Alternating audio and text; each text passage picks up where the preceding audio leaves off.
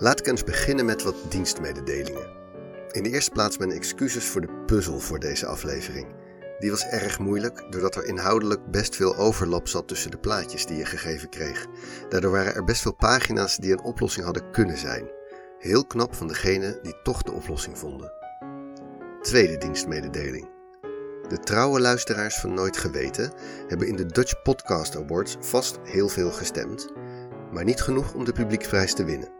Die is gegaan naar de podcast Moordzaken, iets over Nederlandse moordzaken uit het verleden. Er vielen sowieso veel true crime podcasts in de prijzen. Ik heb er niets mee, maar ze zijn heel populair en het is dus niet gek dat zo'n soort podcast de publieksprijs mee naar huis neemt. Tot beste podcast van Nederland werd de BNR-productie Napleiten uitgeroepen, over strafzaken. Het jammere is dat ik niet kan achterhalen hoeveel stemmen er nou zijn uitgebracht op Nooit Geweten. Dat we dit niet gingen winnen was wel ingecalculeerd, maar ik had wel graag willen weten hoeveel van jullie de moeite hadden genomen om dat formuliertje in te vullen. Nou ja, dat was het voor dit jaar. Over naar de aflevering. Een stukje astronomie vandaag. En wel een stukje dat het aanzicht van de nachtelijke hemel sterk bepaalt. Het gaat eigenlijk om het gezicht van de maan. Althans, wij in het Westen denken vaak een gezicht te herkennen in de vlekken op het oppervlak van de maan. In Azië zijn ze er zeker van dat er een konijn te zien is dat bezig is in een vijzel iets fijn te malen. Wat daar dan wordt fijn gemalen, daarover lopen de verhalen van China, Japan, Vietnam en Korea uiteen. Maar een konijn dus. We beginnen ons verhaal van vandaag dan ook op de maan. Hier is Nooit Geweten, aflevering 75.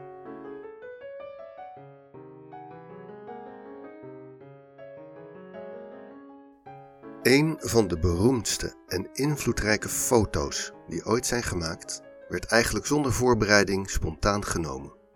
De NASA-astronauten van missie Apollo 8 waren in een baan om de maan en hadden als opdracht foto's te maken van het maanoppervlak. Plotseling zagen ze voor zich de aarde, de blauwe planeet, in volle glorie in beeld verschijnen. Spontaan maakte de astronaut William Anders een paar foto's.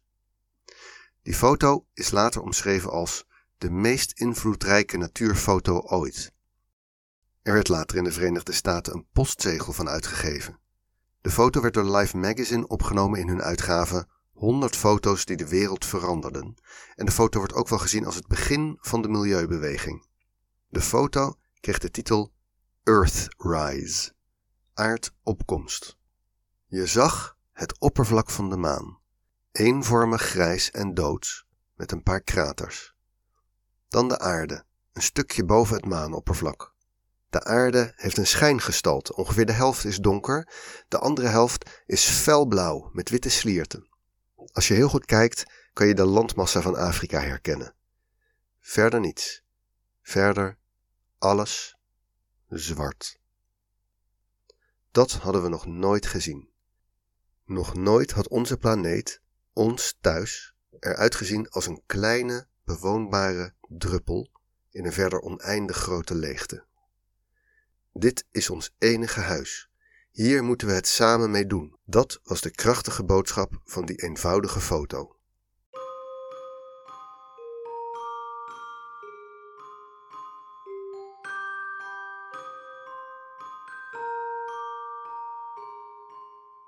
Maar over de invloed van die foto, daar wil ik het nu niet over hebben. Het gaat me even over de titel: Earthrise. Dat bestaat namelijk helemaal niet. Als je op de maan zou wonen, zou je nooit de aarde zien opgaan. De maan staat namelijk altijd met dezelfde kant naar de aarde gekeerd. Daardoor zien wij op aarde altijd dezelfde kant van de maan, met volgens sommigen een gezichtje en volgens anderen een tekening van een konijn erop. Soms zit een deel in de schaduw, soms is zij vol belicht, maar we zien nooit de rest van de maan. En dat betekent natuurlijk ook dat je vanaf de maan de aarde altijd op dezelfde plek aan de hemel ziet staan. Er is een plek op de maan waar de aarde altijd recht boven je staat. Er zijn veel plekken waar je de aarde nooit ziet en er zijn plekken waar hij laag aan de hemel staat, ongeveer zoals op de foto. Maar er is geen plek op de maan waar je de aarde ziet opkomen en weer ondergaan, zoals wij dat met de zon en de maan zien vanaf de aarde.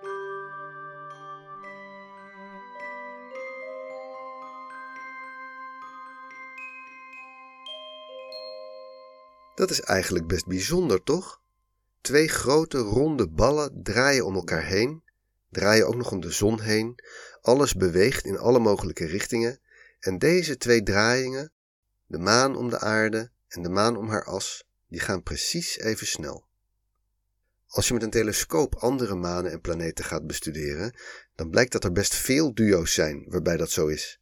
Niet alle manen, maar best wel wat, draaien net als onze maan net zo snel om hun as als om hun planeet. Een bijzonder geval is Pluto. Pluto, wat we geen planeet meer mogen noemen, heeft één maantje. Die twee draaien om elkaar heen. En niet alleen staat het maantje Charon altijd naar Pluto gedraaid, maar ook andersom. Pluto draait ook om zijn eigen as in diezelfde snelheid. Als twee dansers die elkaars handen vasthouden en rondjes draaien waarbij ze elkaar strak aan blijven kijken. Dat kan geen toeval meer zijn, toch?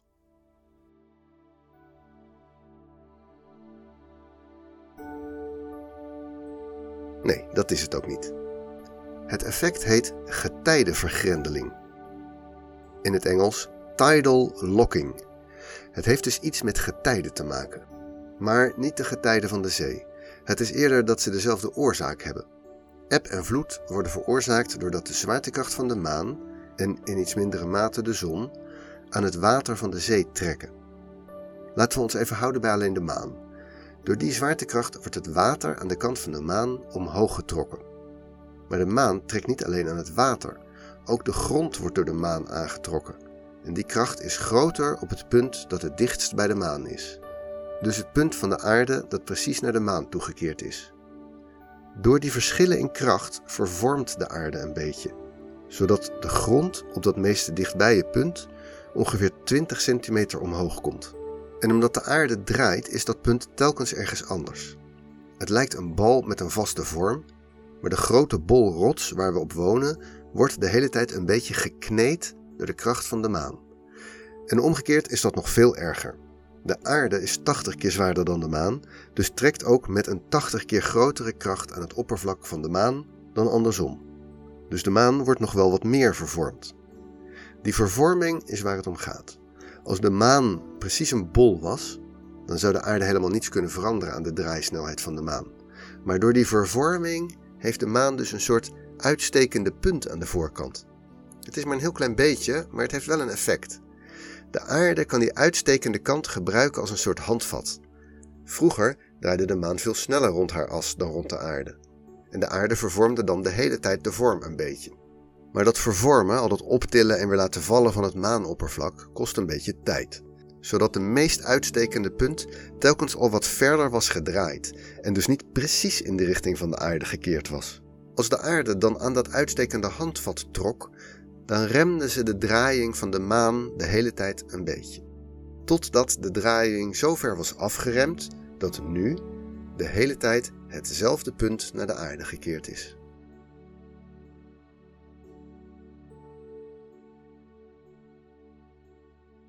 Dit gebeurt eigenlijk altijd, bij alle combinaties van objecten die om elkaar heen draaien.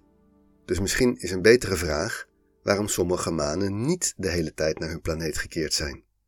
Nou, dat is eigenlijk vooral een kwestie van tijd. Het is een langzaam effect en het hangt af van hoe groot de maan en de planeet zijn, hoe goed het lukt om beide objecten te vervormen en natuurlijk hoe snel alles draaide aan het begin. De meeste systemen zijn nog langzamerhand aan het veranderen. Ook wij. Het eindpunt van onze getijdenvergrendeling is namelijk niet dat de maan de hele tijd met één kant naar de aarde gekeerd is, maar meer een situatie van Pluto en Charon, dat de aarde en de maan de hele tijd met dezelfde kant naar de ander gekeerd zijn. Want wat de aarde doet bij de maan, dat doet de maan ook bij de aarde. Alleen is het proces bij de rotatiesnelheid van de aarde nog lang niet afgelopen. De komende miljarden jaren zal de maan de draaisnelheid van de aarde langzamerhand afremmen. Dan worden de dagen op aarde langzamerhand langer. We kunnen dat met atoomklokken ook meten. Elke 100 jaar worden de dagen op aarde 2,3 milliseconden korter. Niet veel, maar het telt op. Toen de aarde ontstond, duurde de dag maar 6 uur. Als de aarde en de maan helemaal in balans zouden komen met elkaar, dan gaat de dag uiteindelijk net zo lang duren als de maand En dat is dan nog wat langer dan nu, want in het hele proces van elkaar afremmen zal ook de maan steeds wat langzamer om de aarde gaan draaien. En uiteindelijk gaat de maan, en dus ook de dag, ongeveer zo lang duren als nu 47 aarddagen. En daarbij zal de maan ook verder van de aarde afkomen te staan. De eindsituatie is dan een dag van 47 van onze huidige dagen, met een wat kleiner maantje dat altijd op dezelfde plek aan de hemel staat. Een maansopkomst bestaat dan niet meer. Over de praktische problemen van die situatie hoeven we ons gelukkig geen zorgen te maken, want ruim voordat de aarde en de maan volledig met elkaar synchroon draaien, zal de zon opgebrand raken en in het vuurwerk bij het laatste stukje daarvan opzwellen tot een rode reus en daarbij de aarde en de maan opslokken. Pak van mijn hart. Dit was aflevering 75 van Nooit Geweten. De oplossing van de fotopuzzel was de Engelse Wikipedia-pagina over tidal locking. Dat viel niet mee, omdat er best wel wat verschillende pagina's bleken te zijn die met alle plaatjes in de puzzel gelinkt waren. Toch hebben op het moment dat ik dit opneem, acht van jullie de oplossing gevonden. Vaak na een paar keer proberen. Complimenten, ik zal proberen het niet meer zo lastig te maken. Nooit Geweten wordt gemaakt door mijzelf, Teun Duinstee, en is een hommage aan Wikipedia. Ken je iemand die dit een leuk verhaal zou vinden? Stuur het dan door. Over twee weken is er weer een nieuwe aflevering en wie alvast wil weten waar die over gaat, kan proberen de Wikipedia fotopuzzel op te lossen. Die vind je in de show notes. Dank aan alle Wikipedianen die hebben gewerkt aan de onderliggende artikelen en ook aan jou voor het luisteren. Tot over twee weken.